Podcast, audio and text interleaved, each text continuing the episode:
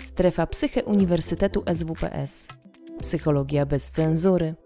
Więcej merytorycznej wiedzy psychologicznej znajdziesz na psycheswps.pl oraz w kanałach naszego projektu na YouTube i Spotify.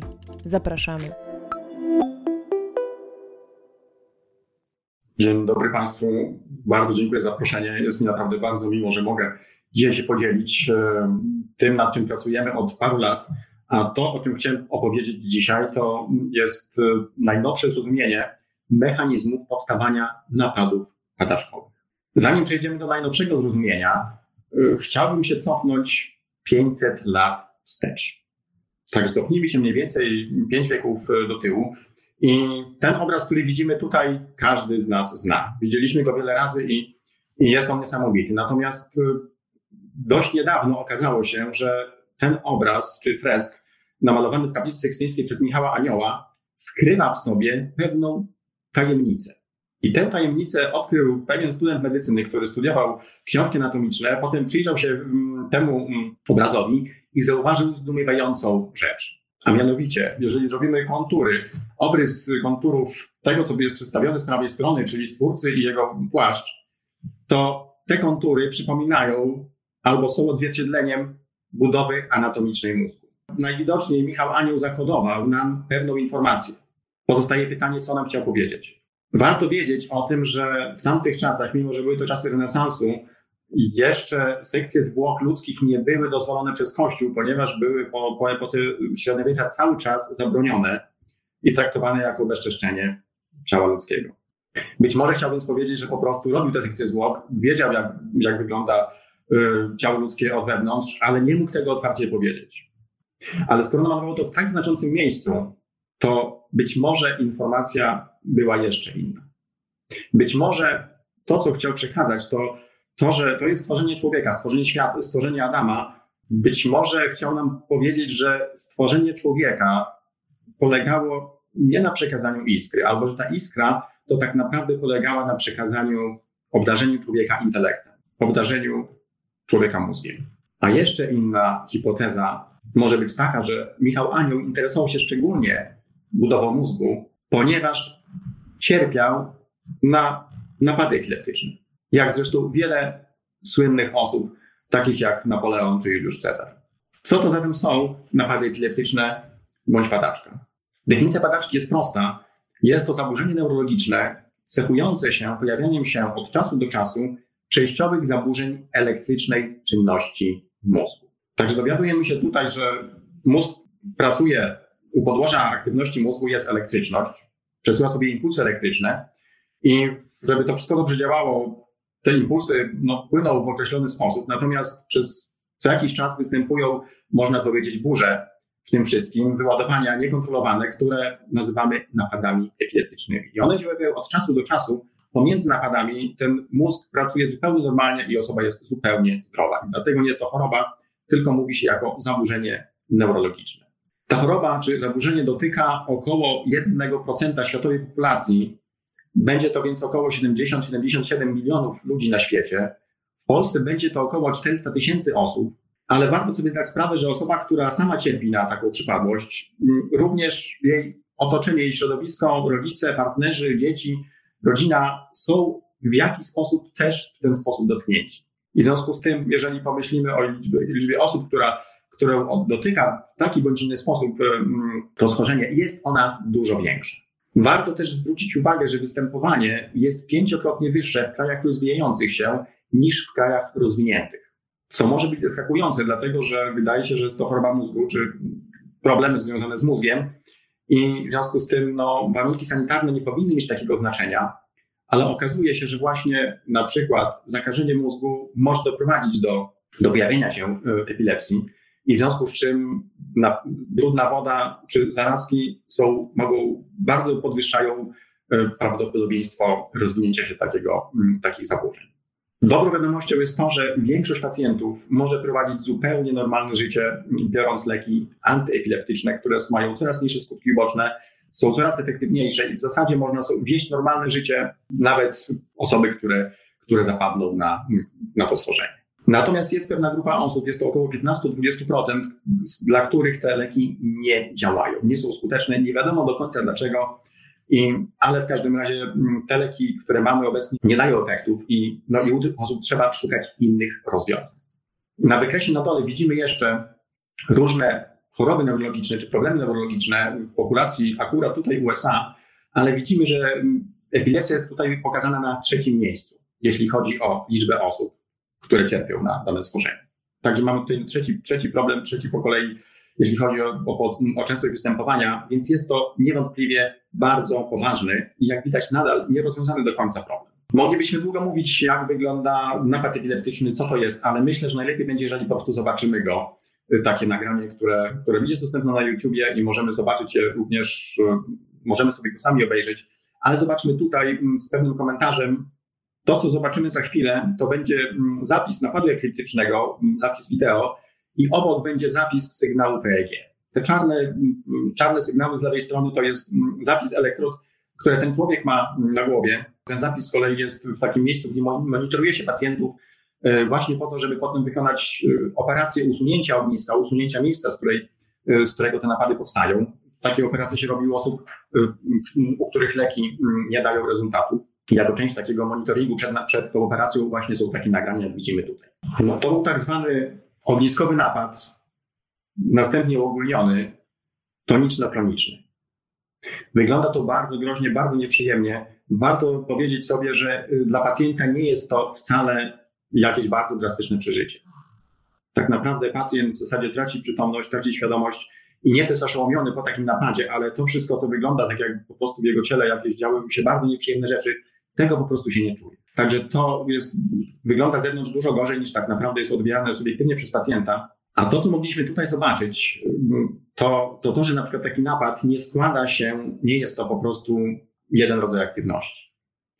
Gdybyśmy, no jeżeli patrzyliśmy uważnie, to mogliśmy zobaczyć, że napad się rozpoczął od tego, że ten pacjent zwrócił głowę, już tę głowę zaczął na pewno już zachować nie w sposób normalny, ale to był po prostu odkręcenie głowy, gdzieś tam właśnie te mięśnie już, um, obszar, którym zarządzają mięśniami, mięśniami karku, zaczął, ten napad się pojawił jeszcze w głębokich strukturach, nie rozszedł się do wszystkich pozostałych.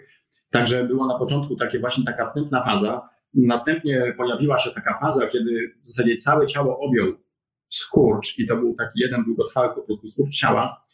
To była taka zwana faza toniczna, a następnie ta faza mm, przeszła w takie drgawki, które się, już pojedyncze drgawki, które z kolei, których częstość malała z czasem i po jakiejś około minucie napad się spontanicznie zatrzymał. A pacjent, jak Państwo widzą, jest po takim napadzie, może być nieprzytomny, może mieć, nawet nie wiedzieć, co się stało. Dlatego, jeżeli coś takiego by nam się kiedyś przydarzyło na naszych oczach, to warto wiedzieć, jak się zachować. Także, jak postępować, będąc świadkiem napadu. Pierwsza i najważniejsza rzecz, jeżeli zapytamy ratowników y, medycznych, to powiedzą nam to samo, należy zachować spokój.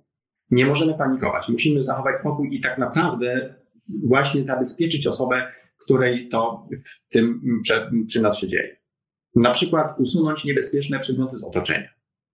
Jak Państwo widzieli na tym filmie, personel tego szpitala też nie starał się tego pacjenta przytrzymywać, coś tam mu załóżmy zabezpieczać, wsadzać mm, coś twardego do, do, do ust, żeby sobie nie przegryzł bark albo języka, albo zębów. Tego się nie powinno robić. To, co możemy zrobić, to na przykład usunąć niebezpieczne przedmioty z otoczenia i właśnie personel, jak Państwo widzieli, pielęgniarka po prostu odsunęła stolik, żeby ktoś się o niego nie uderzył. Warto sprawdzić, czy osoba ma przy sobie informację o swojej chorobie. Na przykład można taką informację nosić na kartce w portfelu albo na specjalnej bransoletce. Warto zmierzyć czas trwania napadu. Po napadzie, jeżeli ten czas trwania jest rzędu minut do dwóch minut, jeżeli osoba oddycha, ułożcie w pozycji bocznej, przykryć czymś, kiedy dojdzie do siebie, powiedzieć, co się stało, zaopiekować się, odprowadzić do domu, ale nie trzeba wołać lekarza. Natomiast należy wezwać pomoc medyczną, jeżeli napad trwa dłużej niż 5 minut bądź powtarza się. Takie napady, które się nie chcą zatrzymać, nazywane są status epilepticus. Jest to niestety najczęstsza przyczyna zgonów w wyniku epilepsji. Także jeżeli widzimy, że napad się przedłuża bądź się kończy, a następnie pojawia się kolejny, trzeba jak najszybciej zadzwonić po pogotowie i lekarz może ze strzykiem mm, podaniem leków dożylnych takie coś zatrzymać. Jeżeli wiemy, że osoba jest w ciąży lub ma cukrzycę, to jeżeli jest w ciąży, no to mamy zagrożenie ciąży. Jeżeli ma cukrzycę, to w ogóle powód może nie być epilepsja, tylko powodem napadu może być spadek glukozy we krwi i jest to również niebezpieczne, więc wtedy też należy zawołać pomoc medyczną.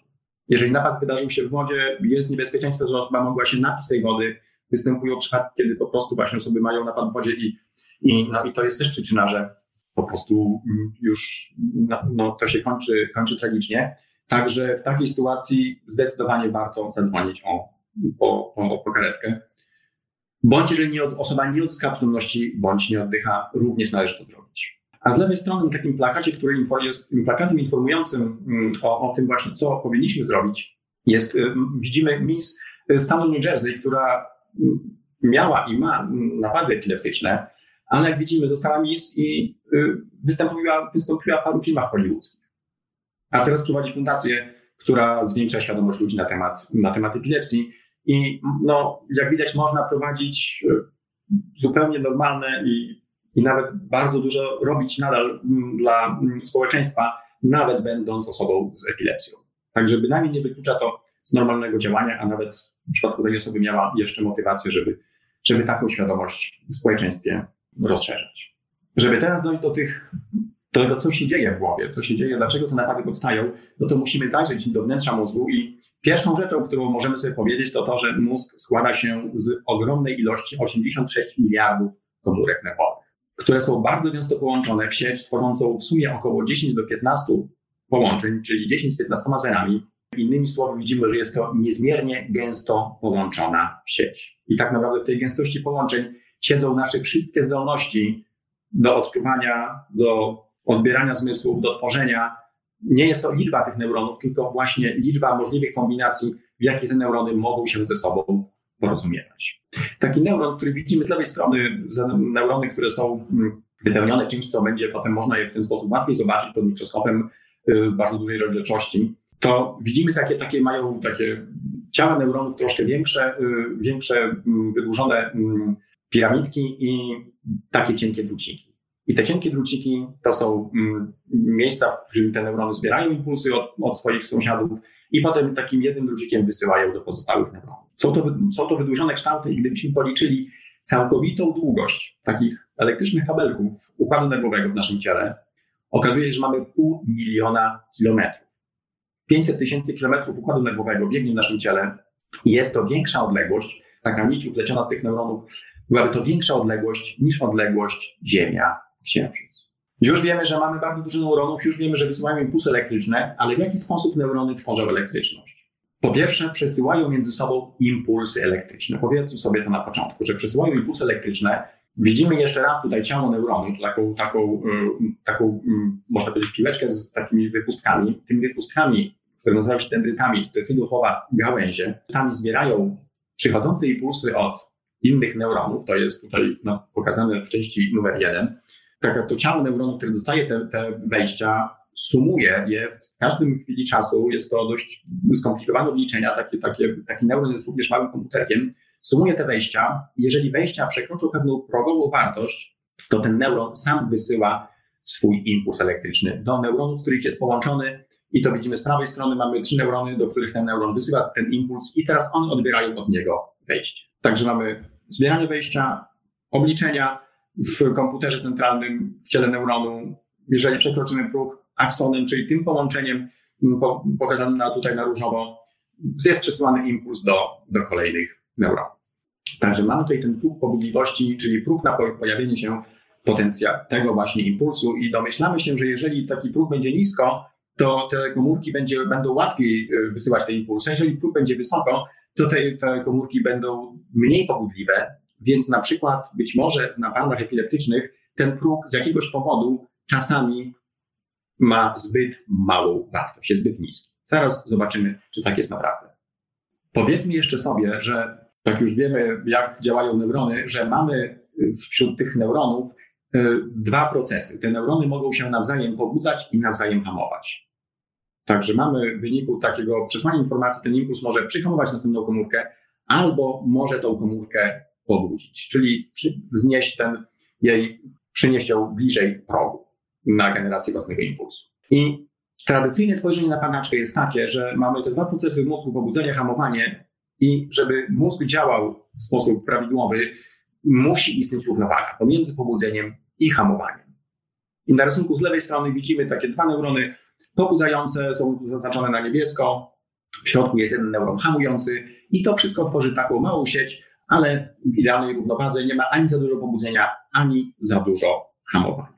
Jeżeli mamy sytuację, kiedy tego pobudzenia będzie za dużo, bo na przykład neurony zaczną się zbyt silnie nawzajem pobudzać, albo jeden neuron hamujący, czy któryś neurony hamujące będą teraz wysyłały mniej hamowania, to może nastąpić brak równowagi i tego pobudzenia będzie za dużo. I taki brak hamowania, za dużo pobudzenia może prowadzić do niekontrolowanych wyładowań. Z kolei, jeżeli będziemy mieli za dużo hamowania, a za mało pobudzenia, to możemy być w stanie śpiączki. Także mamy te dwa bieguny. Na jednym biegunie jest, jest śpiączka, na drugim jest, są napady epileptyczne, a po środku jest stan równowagi. To jest tak prosta i elegancka teoria, że aż trudno w nią wątpić. I dlatego, jeżeli otworzymy jakąkolwiek książkę, mm, podręcznik dla neurologiczny, to właśnie o tej hipotezie będziemy mogli przeczytać, że napady są spowodowane zaburzeniem równowagi pomiędzy hamowaniem i pobudzeniem w mózgu. Hamowanie i pobudzenie odbywa się poprzez połączenia. Okazuje się, że połączenia możemy chemicznie wyłączyć. Możemy wziąć kawałek mózgu, wziąć go w probówce, tak, żeby te komórki nadal żyły i pracowały i możemy wyłączyć połączenia poprzez manipulacje farmakologiczne. I to widzimy tutaj. Tu widzimy taki skrawek mózgu, jest to doświadczenie in vitro, ale wyłączamy komunikację. Te miejsca połączeń nazywamy synapsami i dlatego mówimy o wyłączaniu komunikacji synaptycznej. Poprzez niski poziom wapnia w przestrzeni y, ta komunikacja nie będzie działać, jeszcze musimy w jakiś sposób jakąś manipulację zrobić. Tutaj dodajemy trochę mm, magnezu w otoczeniu i okazuje się, że taki skrawek mózgu generuje napad epileptyczny. To, co widzimy tutaj, widzimy od, na początku jest taka mała amplituda, ten sygnał jest coraz bardziej rośnie, to znaczy neurony się synchronizują, działają jednocześnie. Jest to poładowanie elektryczne w neuronach przypominające napad epileptyczny, tylko że ten napad odbywa się bez komunikacji, bez porozumiewania się pomiędzy neuronami. Zobaczmy jeszcze jedno doświadczenie.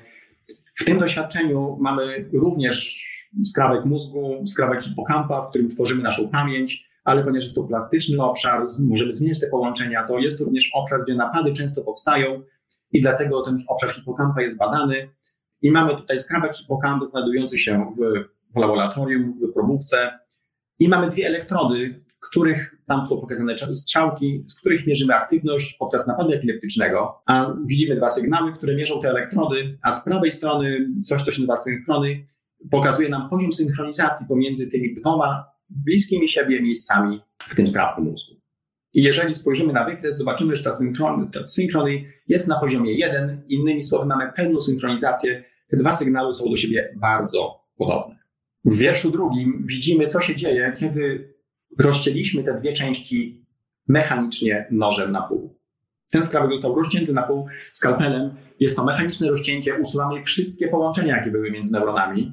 Widzimy, sygnały są cały czas do siebie podobne, a z prawej strony widzimy, że poziom synchronizacji nadal jest na poziomie 1, co oznacza, że mimo braku fizycznych połączeń, te dwie części mózgu się ze sobą komunikują i są bardzo dobrze zsynchronizowane. W trzecim wierszu możemy zobaczyć, że te dwie połówki rozsuniemy od siebie na pewną odległość. Te sygnały już tracą podobieństwo i poziom synchronizacji spada prawie do zera.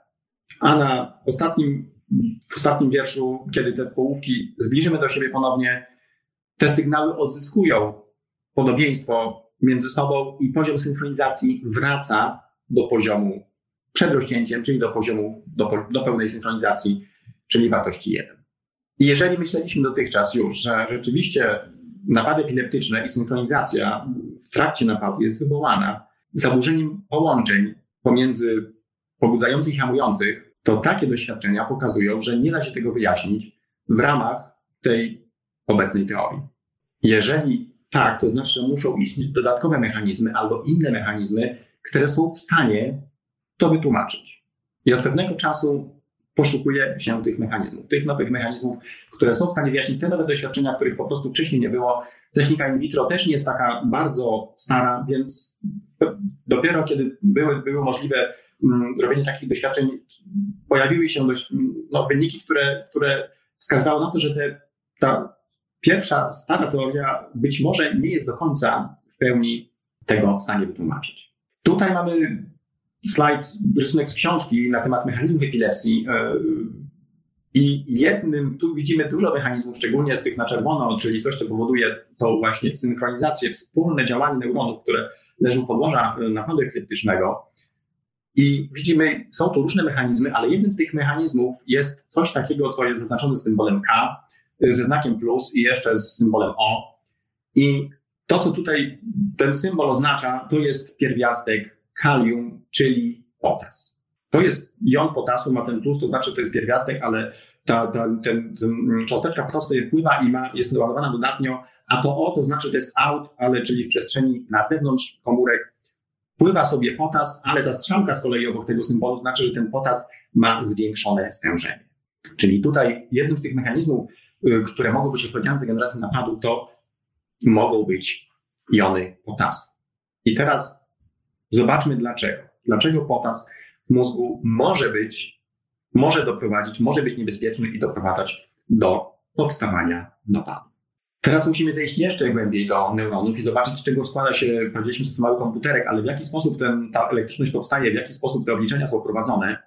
Zobaczmy, co się dzieje na błonie komórki. Mamy pokazany neuron, mamy pokazane powiększenie błony komórkowej. I widzimy, że na tej błonie po jednej i po drugiej stronie, tam mamy pokazane wnętrze i przestrzeń na zewnątrz komórki, pływają naładowane cząsteczki. Innymi słowy, naładowane iony różnych pierwiastków. I ponieważ to stężenie wewnątrz i na zewnątrz będzie nieco inne, czyli na zewnątrz będziemy mieli więcej tych dodatnich nośników, dodatnich cząsteczek, wewnątrz będziemy mieli więcej ujemnych cząsteczek, czy ujemnych jonów, to dlatego potencjał, czyli, czyli różnica, mm, powstanie różnica potencjału, wewnątrz będzie on niższy, na zewnątrz będzie wyższy i ta różnica potencjału będzie nam umożliwiać tworzenie impulsów elektrycznych. Także ta różnica potencjału może brzmi to groźnie, ale jeżeli mamy gniazdko elektryczne, też w, jednym, w jednej dziurce mamy, mamy potencjał 0, w drugiej mamy 220 i dzięki tej różnicy możemy pobierać prąd. Także zawsze musimy mieć miejsce o jakimś niższej wartości, wyższej wartości i wtedy prąd może popłynąć. Tak samo mamy tutaj, tylko że wnętrze jest, ma tą niższą wartość napięcia, a na zewnątrz jest ta wartość większa. Ale ta cała elektryczność w neuronach jest tworzona poprzez te naładowane cząsteczki, które znajdują się i wewnątrz, i na zewnątrz. I okazuje się, że od wartości tych, tych nawet spoczynku, jakie mamy stężenia tych różnych jonów po dwóch stronach, po dwóch stronach błony komórkowej, ten, ta wartość tego napięcia na błonie będzie różna. I na tym wykresie tutaj widzimy, jak zmienia się ten potencjał, czyli ta wartość spoczynkowa błony komórkowej, jest to na linii, na osi pionowej, zaznaczone jako Vm. V to jest napięcie, M to jest membran, czyli napięcie mm, mm, na błonie komórkowej neuronu. A na tych wszystkich wykresach widzimy, jak to napięcie się zmienia w zależności od stężenia różnych jonów na zewnątrz i wewnątrz komórki. I taki rzut oka na te wszystkie wykresy moglibyśmy, da, moglibyśmy zauważyć, że największa zależność, najsilniejsza zależność jest na wykresie dla potasu. Na przykład dla sodu zmieniamy te stężenia, dla sodu, czyli Na, bądź chloru Cl, zmieniamy stężenia, te napięcia się specjalnie nie zmieniają, natomiast jeżeli zaczniemy zmieniać stężenia potasu, to to napięcie potrafi się znacznie podnieść. Szczególnie to napięcie na dole kiedy tą linią przerywaną czerwoną mamy zaznaczony taki poziom bazowy, jest to około 3 czy 5 i potencjał taki spoczynku jest około w związku z tym przecięcie tej linii niebieskiej z czerwoną, która jest około minus 65, ale jeżeli zaczniemy zwiększać to zewnątrzkomórkowe stężenie, to widzimy, że ta krzywa niebieska bardzo idzie mm, szybko do góry. To znaczy, że to napięcie będzie rosło i te neurony będą dużo bardziej pobudliwe, będą dłużej, dużo bliżej progu, żeby odpalać swoje impulsy. I stąd możemy zauważyć, że najgorszą rzeczą, którą się może stać w naszym mózgu, to jest wzrost stężenia potasu na zewnątrz komórek. I mamy różne mechanizmy, które przed tym zabezpieczają. Ale pytanie, czy to się może zdarzyć, albo dlaczego y, ten w ogóle potas, skąd może się nagle tam wziąć? Musimy sobie powiedzieć, że w błonie komórkowej mamy mechanizmy, które umożliwiają przepływ jonów przez błony. I to są tak zwane kanały jonowe, które umożliwiają przepływ do wnętrza oraz na zewnątrz komórki różnych rodzajów jonów. Każdy jon ma swoje kanały i one są od siebie niezależne. Dzięki tym prądom, które mogą płynąć, jeżeli płyną naładowane nośniki, to właśnie płynie prąd przez błonę i to jest mechanizm generacji impulsów. Czyli ta chwilowa zdolność zmian tych, mm, te potencjały na błonie, czyli przepływ prądu przez błonę, będzie powodował powstawanie impulsu elektrycznego, który będzie potem przesyłany i to będzie ten, do kolejnych neuronów i w ten sposób neurony będą się komunikować. Także mamy w błonie specjalne białka, specjalne kanały, które, przez które te jony mogą płynąć. I teraz impuls elektryczny pokazany jest tutaj. Na tym środkowym rysunku widzimy impuls elektryczny, który jest taką krótkotrwałą zmianą tego napięcia na błonie komórkowej.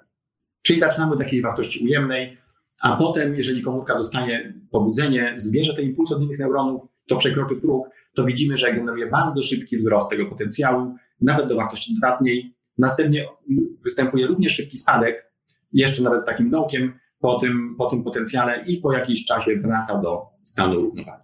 Jeżeli byśmy zwrócili uwagę na, na, na, czas, na oś czasu, czyli oś poziomą, to zobaczymy, że ten czas to jest rzędu, czas trwania samego impulsu to jest pół milisekundy. Innymi słowy, dlatego nazywam to impulsem, bo to są bardzo szybkie procesy, szybkie zmiany tego napięcia. Dlaczego w takim razie nagle ten napięcie tak skacze do góry i dlaczego opada? Widzimy z lewej strony, że jeżeli ta komórka dostanie pobudzenie, które będzie powyżej progu, to nagle otworzą się kanały, przez które może pływać sód. I ten sód tymi niebieskimi strzałkami widzimy wpływa do komórki, ponieważ sód ma, niesie ładunki dodatnie, to to napięcie idzie do góry i ten impuls narasta. Następnie po niecałej pół milisekundy otwierają się kanały potasowe, to widzimy z prawej strony, i potas zaczyna wypływać z komórki. Potas jest również dodatni, ponieważ wypływa z komórki, to napięcie na błonie komórkowej maleje. I dlatego takie powstawanie impulsu elektrycznego w neuronie polega na najpierw wzroście stężenia, czy przepływie sodu do komórki, a następnie wzrost stężenia, czyli wypływie potasu z, y, z komórki i wzrost y, z tego stężenia w przestrzeni zewnątrz komórkowej. Jeżeli tak by neurony działały, że sód cały czas wpływa do środka, potas cały czas wypływa, to oczywiście te stężenia by się zaburzyły i, by, i już by, by, by się zmieniły, no komórka by nie mogła pracować. I w związku z tym, żeby te, po tym przepływie w trakcie impulsu te mm, jony przywracać do początkowych stężeń, do początkowych wartości, mamy coś, co się nazywa pompą sodowo-potasową. I pompa sodowo-potasowa działa, przepompowuje te jony odwrotnie niż ten przepływ w trakcie impulsu, a mianowicie zabiera jony sodu ze środka, wypompowuje je na zewnątrz, a z zewnątrz zabiera jony potasu i wpompowuje je do środka. I w ten sposób działa wolno, ale skutecznie przywraca te takie spoczynkowe wartości stężeń. Ta pompa działa, można powiedzieć, wbrew siłom, które tam naturalnie by te jony napędzały, i w związku z czym jest to tak zwany mechanizm aktywny, który wymaga energii, wymaga dostarczenia energii. Także warto sobie powiedzieć, że taka pompa w neuronach jest to jeden z bardziej energopotrzebnych procesów w naszym ciele i zajmuje około 20%, potrzeba na niego 20% energii całego ciała, Y, całej energii, którą czerpiemy z pożywienia, idzie na zasilanie pompy sodowo-potasowej w mózgu. Mózg działa, mózg waży około 2% naszego ciała. Jest jego waga to jest 2% wagi całego ciała, natomiast zużywa około 20% energii. I ta energia to jest właśnie zasilanie pompy sodowo-potasowej. Warto sobie powiedzieć również, że ta pompa działa w ten sposób, że wypompowuje trzy jony potasu, czyli trzy ładunki na zewnątrz, a wpompowuje dwa ładunki, znaczy wypompowuje trzy ładunki sodu na zewnątrz, a wpompowuje dwa ładunki potasu do wewnątrz. Czyli przy każdym obrocie pompy mamy wypompowane trzy, wpompowane dwa. Innymi słowy, zabiera więcej niż, niż, niż pompowuje i ten bilans jest ujemny. Czyli elektrycznie działanie pompy powoduje, że ten potencjał powolutku również będzie sobie mały. I to zapamiętajmy, że bilans pompy jest ujemny, i obniża nam potencjał na błonie komórkowym. I teraz wiemy już, że podczas impulsów elektrycznych, zobaczmy jeszcze to tutaj, podczas kiedy ten impuls gaśnie z prawej strony, potas wypływa z komórki. Pompa to przywraca, ale pompa jest mechanizmem wolnym, a ten wypływ jest szybki. Jeżeli wyobrazimy sobie, że te komórki zaczynają szybko generować impulsy, może się okazać, że tego potasu wypływa dużo, pompa nie nadąża z pompowaniem tego do środka, i gromadzi się potas w przestrzeni zewnątrzkomórkowej. A jak pamiętamy wcześniej, zgromadzenie potasu w przestrzeni, wzrost stężenia potasu prowadzi do podwyższenia potencjału błonowego. Wzrost stężenia potasu powoduje podniesienie się napięcia na błonie, co może powodować jeszcze większe wyładowanie. Takie było podejrzenie. Takie właśnie pojawiła się nowa hipoteza, y, że napady epileptyczne związane są ze wzrostem stężenia potasu w przestrzeni zewnątrzkomórkowej. I te eksperymenty zaczęły być wykonywane w latach 70. Wtedy to jeszcze były eksperymenty na żywych kotach. To widzimy z lewej strony tak, takiego kota y, wywołano napad poprzez stymulację elektryczną mózgu. Y, wcześniej do tego mózgu wpuszczono potas, który będzie był radioaktywny, można go łatwo oglądać, łatwo go zliczać. Y, otworzono głowę takiego kota i wywołano napad epileptyczny. I to, co widzimy na rysunku środkowym z lewej strony, to jest stężenie potasu w trakcie napadu. I widzimy, że w trakcie napadu nagle mam taką iglicę, to znaczy, że to, to stężenie gwałtownie wzrosło w trakcie napadu. I właśnie powstała taka hipoteza, że napady są spowodowane akumulacją, wzrostem stężenia potasu w przestrzeni zewnątrzkomórkowej. Ten wzrost mm, będzie powodował silniejsze wyładowania. Silniejsze wyładowania będą powodowały wzrost stężenia potasu. Wzrost stężenia potasu będzie powodował wzrost pobudliwości i taka pętla powstanie, która będzie się samo napędzać i tak naprawdę będzie powodowała rozwijanie się napadu. I to widzimy z kolei z prawej strony. Jeszcze raz tą hipotezę. Mamy gdzieś takie dwa, mm, dwa mm, zakresy pracy. Jeden to jest stabilny poziom potasu. Potem, jeżeli poziom potasu przekroczy ten próg, to zaczyna się tam, wchodzimy w tą pętlę, zaczyna się mm, ten wzrost stężenia potasu powoduje większe, większą pobudliwość, większa pobudliwość powoduje więcej wyładowań, a więcej wyładowań nam na, dalej zwiększa ten potas. I następuje accumulation, czyli, czyli, czyli akumulacja potasu i ona prowadzi do pojawienia się napadu. Także taka hipoteza powstała około już teraz do 50 lat temu, ale pewne fakty się nie zgadzały z doświadczeniem, na przykład to, że wydawało się, że ten potas tak naprawdę zaczyna się zwiększać jego stężenie po rozpoczęciu napadu, a nie przed rozpoczęciem. Innymi słowy, że to najpierw powstaje napad, a potem prowadzi do wystąpienia napadu, ale ale nie jest, tak powiem, przyczynowo-skutkowy związek jest w drugą stronę, raczej napad prowadzi do zwiększenia stężenia, a nie odwrotnie. Nie, nie udało się zrozumieć, dlaczego ten napad się kończy spontanicznie, bo wydaje się, że no, po prostu coraz bardziej powinien się nakręcać ten proces i napad się nie powinien nigdy zakończyć, a tutaj on się kończy. Także pewnych faktów nie udało się wyjaśnić i ta hipoteza upadła. Ale powoli po tych nowszych doświadczeniach, wtedy jeszcze w latach 70. nie było tej techniki in vitro, Y, czyli badania skrawków mózgu w laboratorium. I mm, kiedy te techniki się rozwinęły, okazało się, że ta hipoteza być może jednak warto jej się przyjrzeć ponownie i tą hipotezę zrewidować. I to, co myśmy mogli zrobić w tej sprawie, to mm, czy w grupie, w której mm, nasza, nasza, nasza jednostka współpracuje z grupą w Mediolanie i udało się wspólnie zrobić, to są doświadczenia na mózgu, który jest utrzymywany przy życiu poza ciałem. Tamte doświadczenia, które widzieliśmy, to były, to były skrawki mózgu in vitro, a ten preparat tutaj to jest jedyny preparat na świecie, gdzie cały mózg w całości jest umieszczony poza ciałem i żyje sobie w takim akwarium. Zaletą tego jest to, że możemy na tym mózgu mierzyć dowolne sygnały. Możemy mierzyć nie tylko sygnały elektryczne, ale również stężenia różnych substancji, w tym stężenia jonów oraz stężenie potasu. I możemy sprawdzić, czy ta hipoteza, o której mówiliśmy wcześniej, się sprawdza, czy nie. Tak wygląda ten mózg w powiększeniu, tak wygląda z lewej strony układ doświadczalny dla tego mózgu żyjącego poza ciałem, a z prawej strony widzimy mózg człowieka w, żyjący poza ciałem w akwarium.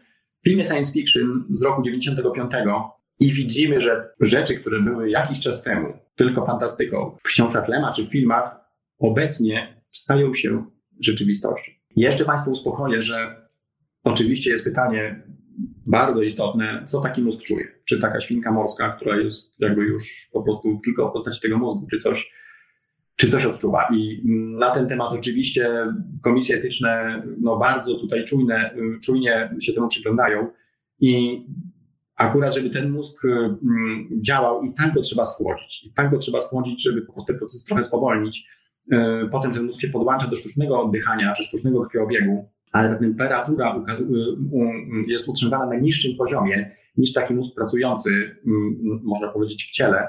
I w związku z tym jakiekolwiek bodźce bólowe na pewno do niego nie dochodzą albo nie nie generować. To jest stwierdzone, jeżeli mamy, mózg jest wychłodzony, my również nie czujemy bólu.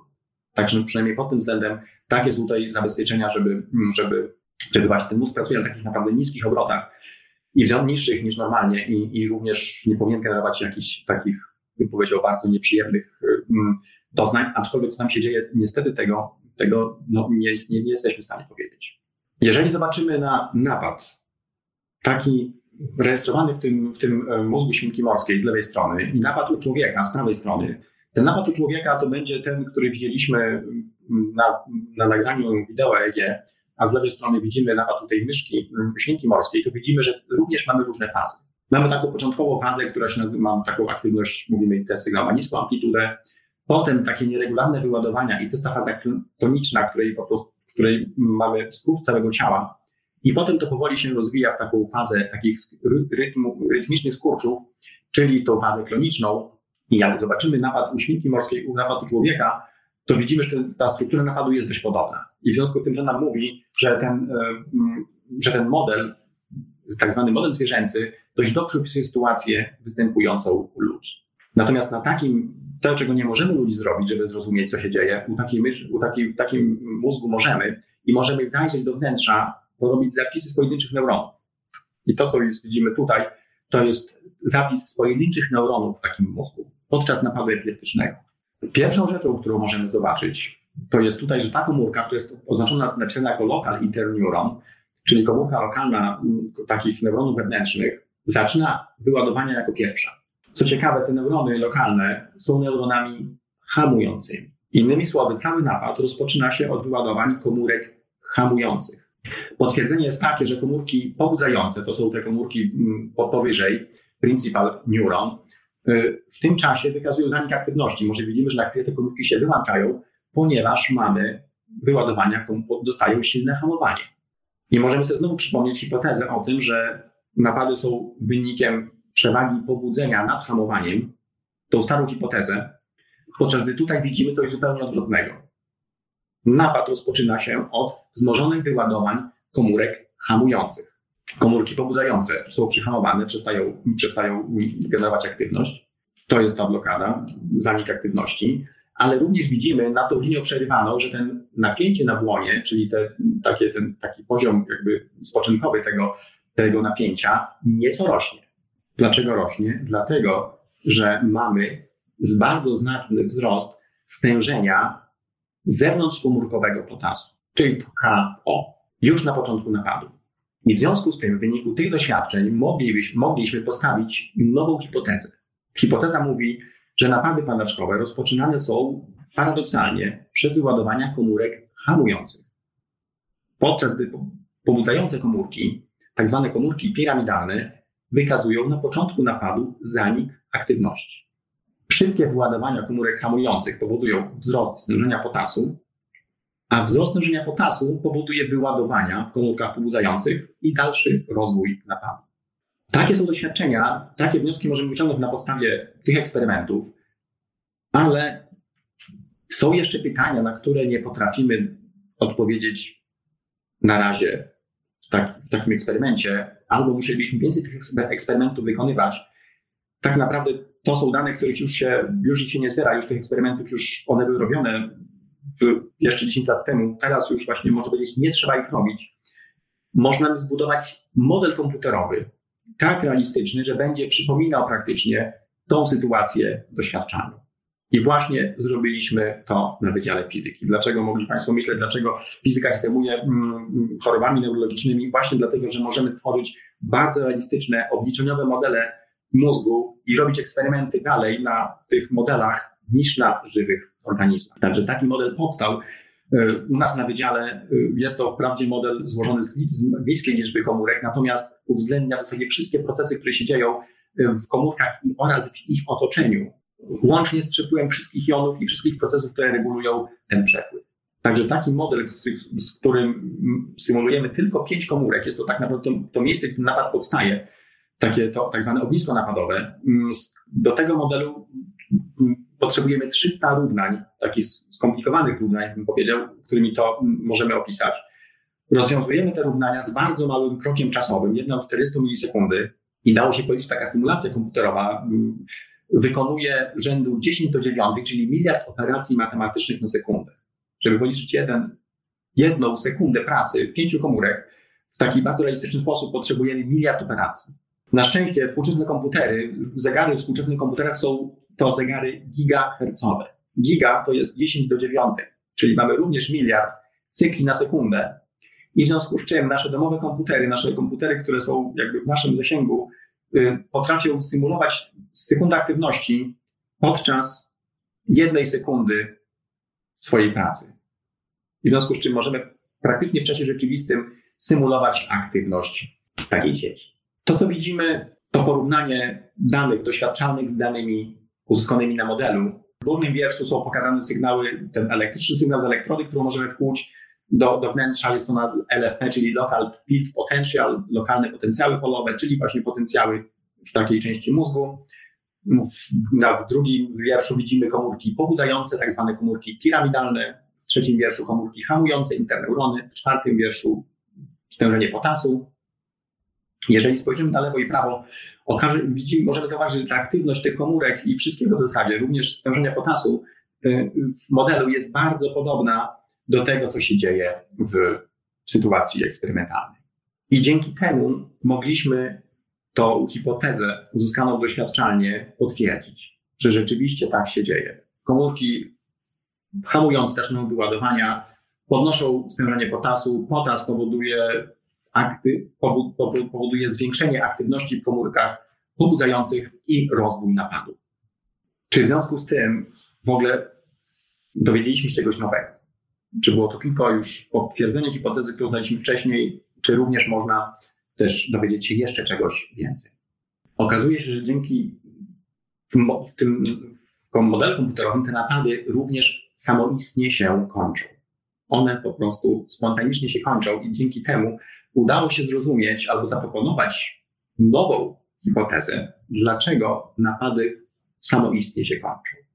Tu widzimy to schematycznie narysowane, ale, ale właśnie tak te analizy przebiegają. Widzimy na górnej osi, co się dzieje z potasem, na pierwszej linii, w drugim, w drugim wierszu widzimy, co się dzieje z, z poziomem sodu.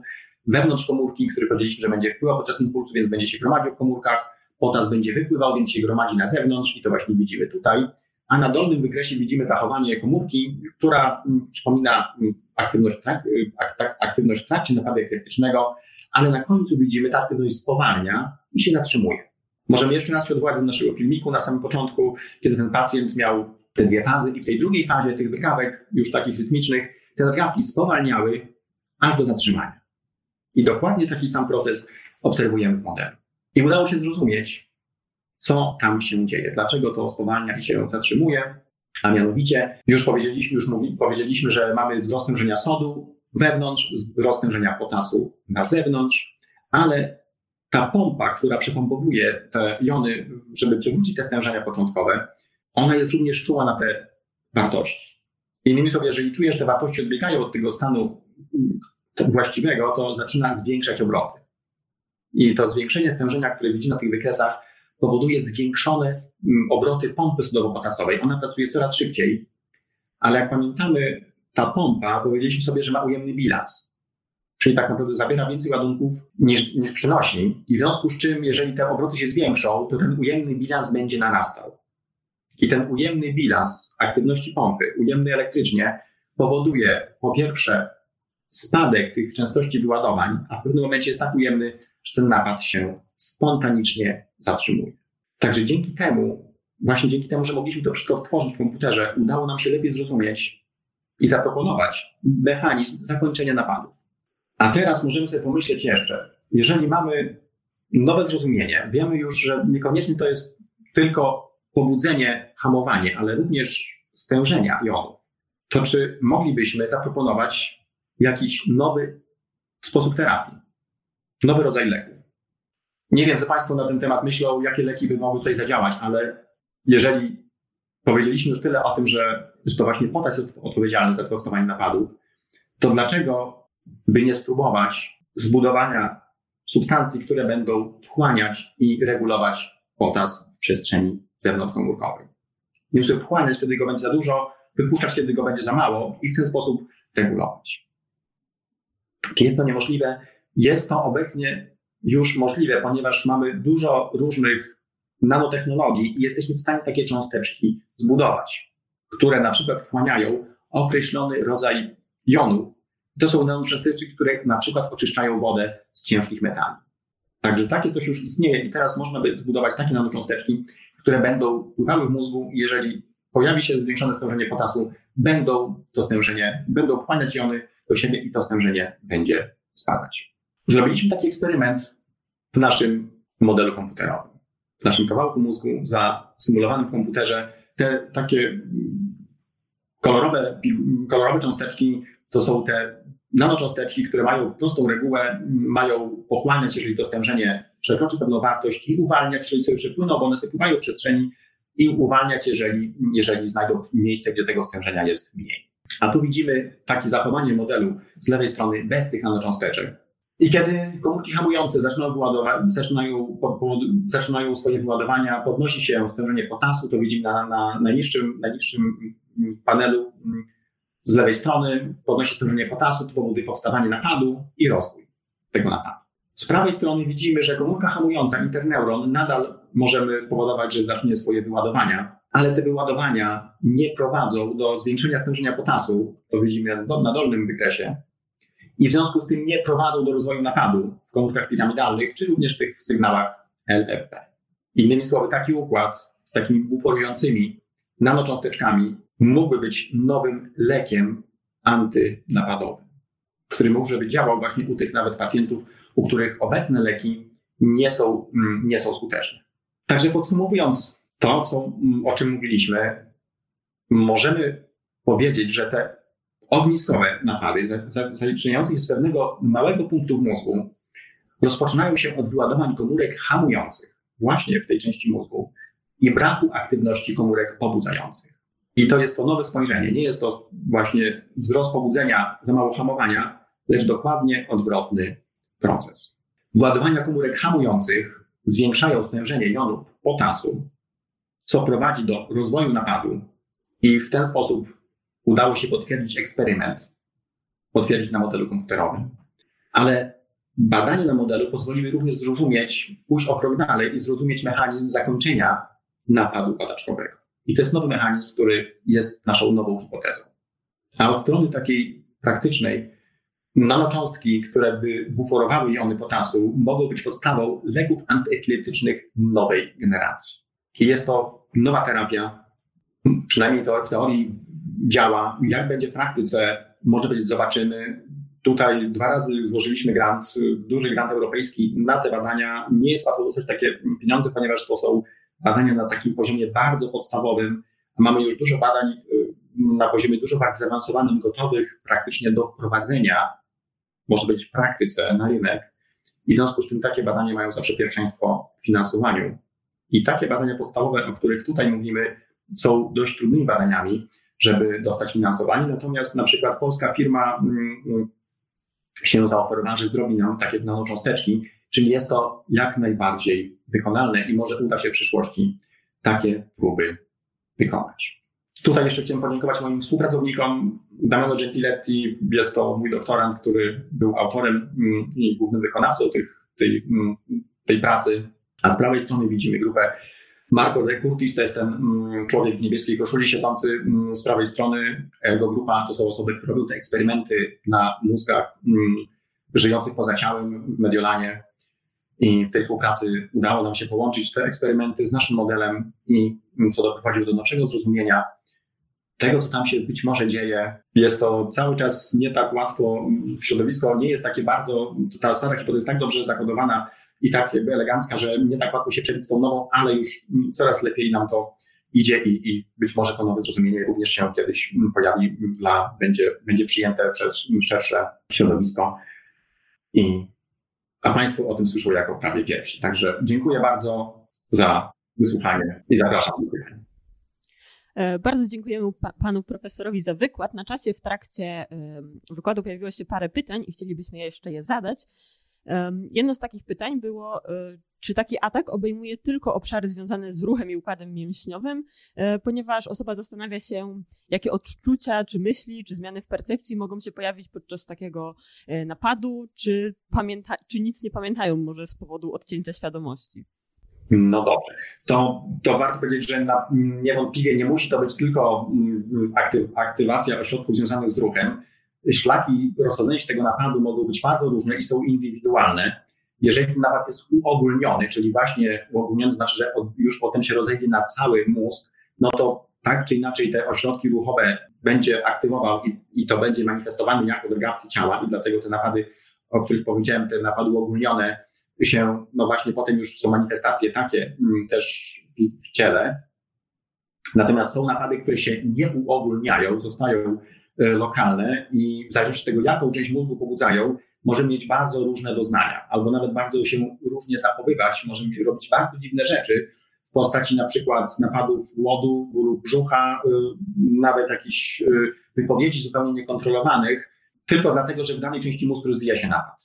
Ale on się nie ogólnia i możemy tego nie zauważyć, to będzie tylko ta część mózgu mm, dotknięta i również mogą być to, również emocje, mogą się pojawić jakieś niewytłumaczone, tak samo pamięć, mm, raczej potem w trakcie napadu, co się dzieje, raczej po napadzie wiemy już, że coś takiego się wydarzyło, w trakcie napadu ta pamięć, no, zależy właśnie gdzie również będzie, jeżeli to będzie hipokamp, który często jest źródłem napadu, to taka pamięć no, w trakcie napadu nie będzie tworzona, bo ten hipokamp będzie zupełnie inaczej pracował i nie będzie w stanie tworzyć takich szlaków pamięciowych.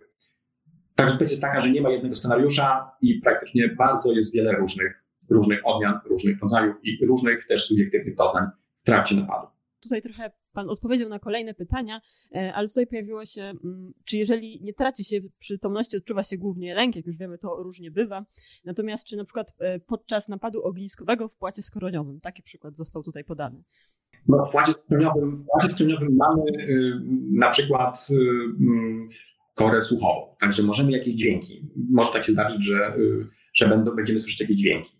Możemy również, tam również się znajduje obszar naszej mowy, czyli możemy również na przykład jakąś generować jakieś niekontrolowane właśnie słowa i często, znaczy często, albo w każdym zdarza się, że taka osoba na przykład zaczyna właśnie używać słów, których normalnie się nie używa. Są to przekleństwa y, i jest to, jest to efekt pojawienia się napadu właśnie w tej części, w której mm, generujemy słowa. Również w części skroniowej będą te mm, właśnie ośrodki pamięciowe, czyli hipokamp, y, nieco głębiej, nie w korze, ale nieco właśnie głębiej mm, od strony wewnętrznej tej kory. Więc jeżeli tak jak pamięć może nie powstawać, ale również mogą się jakieś nawet y, odtworzyć nam wspomnienia, a z kolei są też takie obszary, właśnie tam gdzieś na tym mm, połączenie mm, skroniowo-ciemieniowe, gdzie mamy z kolei mm, taki obszar, który odpowiada za połączenie w ogóle wraz z naszego ciała z tym, że to jesteśmy my, czyli my i nasze ciało. I jeżeli w takim obszarze pojawią się napady epileptyczne, to się może okazać, że w ogóle możemy mieć, poczujemy oddzielenie od ciała. Czyli nawet takie właśnie w ten sposób na przykład naukowo tłumaczy się zjawiska wyjścia, wyjścia z ciała, że po prostu ta część mózgu, która odpowiada za jedność, za poczucie jedności, przestaje, y, jakoś pracuje w zmieniany sposób i, i już tej, nam tego poczucia nie, nie daje. Także bardzo dużo różnych, na różne sposoby może się zamanifestować w naszej, bym powiedział, świadomości taki napad epileptyczny tej części. Czy y, sama padaczka ma jakiś wpływ na naukę czytania, pisania czy liczenia, czy są w ogóle badania na ten temat? Są badania, są badania i, i przyznam, że badania nie są jednoznaczne. W sensie mm, taki, taki znowu dominujący, mm, dominujący pogląd jest taki, że napady powodują pogorszenie stanu mózgu, pogorszenie stanu mózgu powoduje większą, większą liczbę napadów i jest znowu taki samo napędzający się proces. Ale z drugiej strony są eksperymenty, które pokazują, że właśnie nic takiego się nie dzieje, że, że nie ma czegoś takiego, że, że napady powodują w jakiś sposób pośledzenia albo powodują jeszcze gorsze, mm, jeszcze gorszy stan y, komórek mózgu, które będą tym, tym chętniej, tym łatwiej się generować te napady. Także faktem doświadczalnym taką jestem, że jest korelacja, jest korelacja pomiędzy, pomiędzy napadami i na przykład poziomem depresji, i również takimi, załóżmy, mentalnymi, mentalnymi zdolnościami czy poznawczymi, ale jest to korelacja bardziej niż związek przyczynowo-skutkowy. Nie wiadomo do końca, czy jest to, co jest, co jest powodem czego, czy może jakieś wspólne źródło jednego i drugiego, ponieważ tutaj tak się trochę przemknąłem nad tym, ale cały czas nie wiemy, dlaczego napad spontanicznie powstaje. Dlaczego te komórki hamujące, nawet tak jak powiedzieliśmy, jeżeli one inicjują napad, dlaczego one nagle zaczynają tak właśnie w taki, w taki sposób odpalać, w taki niekontrolowany sposób. I tego cały czas nie rozumiemy. I, no i to jeszcze nie są wszystkie pytania, na które znamy odpowiedź, jeśli chodzi o, powstawanie napadów, także, także może kiedyś to zrozumiemy i będziemy wiedzieli więcej, co jest tak naprawdę przyczyną, taką tą pierwszą przyczyną wystąpienia napadu. To właśnie nawet trochę pan doktor odpowiedział na część pytań, bo było pytanie o to, skąd się bierze nadmierna aktywność neuronów hamujących, ale jak rozumiem, to jeszcze tego nie wiemy. Mm, tutaj mamy też pytanie w odniesieniu do badań, które pojawiły się w trakcie wykładu. Czy samo odizolowanie mózgu od reszty organizmu i utrzymywanie go przy użyciu in vitro, na przykład w przypadku kawi domowej, nie wyklucza odbierania jakichkolwiek bodźców przez brak receptorów? Tych receptorów nie ma. Te sygnały, które, znaczy nerwy, które biegły wcześniej w ciele, oczywiście są tam, no nawet było widać takimi drucikami różnymi i są, są pozabezpieczane, ale tam żadne impulsy nie płyną. Także bym powiedział, to jest taki troszeczkę mózg y, odcięty od naszych zmysłów. Być może jest to coś takiego, jak jesteśmy w stanie snu, kiedy te nasze, mm, no wprawdzie nie na poziomie, tak powiem, blokady na poziomie nerwów, ale na poziomie mm, dnia mózgu, kiedy mamy mm, odcięte sygnały sensoryczne z ciała, właśnie po to, żebyśmy mogli inne zadania w czasie snu wykonywać, ale sygnałów sensorycznych w zasadzie no, odbieramy dużo mniej. Także, także tak to możemy sobie wyobrazić, że, że tych sygnałów sensorycznych rzeczywiście nie ma. Y, natomiast y, to, co jakby pozwala temu, to, co jest niezbędne do tego, żeby ten mózg żył, to jest, to jest ten, podłączenie do takiego właśnie zewnętrznego krwiobiegu. I jest nawet moment, kiedy się odłącza od ciała i przełącza się na ten, na ten y, sztuczny, i to jest ten właśnie taki bardzo kluczowy moment, żeby musi być bardzo szybko wykonany i również w niskiej temperaturze, żeby ta aktywność była minimalna, bo to jest znowu takie trochę, może być doświadczenie z pogranicza śmierci, kiedy, kiedy te komórki no właśnie mają bardzo mało, dostają bardzo mało tlenu i po to, żeby jeszcze przeżyły, to trzeba je bardzo szybko z powrotem podłączyć. Ale jeśli chodzi o sygnały sensoryczne, no domyślamy się, że tych sygnałów tam nie ma, jest to coś na poziomie naszego snu, ale oczywiście trzeba powiedzieć, że no właśnie praktycznie nie jesteśmy w stanie się o tym przekonać.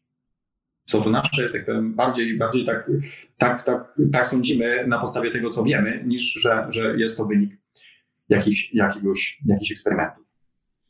Mhm, dobrze, to dziękujemy bardzo. E, pytanie jest o, mm, czy wiadomo coś o mechanizmie działania marihuany medycznej w leczeniu lub ograniczaniu napadów padaczkowych? No, wiadomo, że działa. To jest właśnie, to jest to, jest to że, że znowu mamy korelację pomiędzy, pomiędzy, i tutaj taką na plus, pomiędzy na przykład częstością występowania i, i, i stosowaniem marihuany. Ale co ciekawe, tych mechanizmów do końca nie rozumiemy. Dlaczego akurat, dlaczego to działa y, w ten sposób. I tutaj można sobie wyobrazić różne, różne scenariusze. Mm, jeden taki, że będą to po prostu jakaś tylko na poziomie chemicznym, że po prostu rzeczywiście tam ta chemia jest dość skomplikowana, jak Państwo już teraz zobaczyli. Nie są to tylko połączenia, ale również jony i różne, różne mm, mechanizmy, które kontrolują te stężenia jonów. I w związku z czym tej chemii tam będzie dużo. I jakie szlaki mogą, mogą na jakiś szlak y, tych, ten chemiczny mogą, mogą może, może, może THC wpływać, ale również wiadomo jest, że, y, że napady epileptyczne są związane z, z poziomem naszych hormonów, to jest ten próg na pogubliwość neuronów. Jeżeli mamy te, te hormony stresu, czy, czy jesteśmy w stresie, to ten próg będzie niższy i te neurony będą tak powiem, bardziej skłonne do generacji wyładowań, a z kolei marihuana nam obniża poziom stresu i obniża poziom hormonów stresu i również taki niebezpośredni, nie, znaczy właśnie niebezpośredni efekt może, może występować. Czyli nawet nie taki mechanistyczny poprzez jakąś chemię yy, związaną bezpośrednio z napadami, tylko przez jeszcze inny czynnik, którym na przykład jest, jest, jest stres. Także wiemy, że, że, że marihuana jest pomocna, ale, ale do końca jeszcze nie znamy mechanizmu jej działania, jeśli chodzi o napady epileptyczne.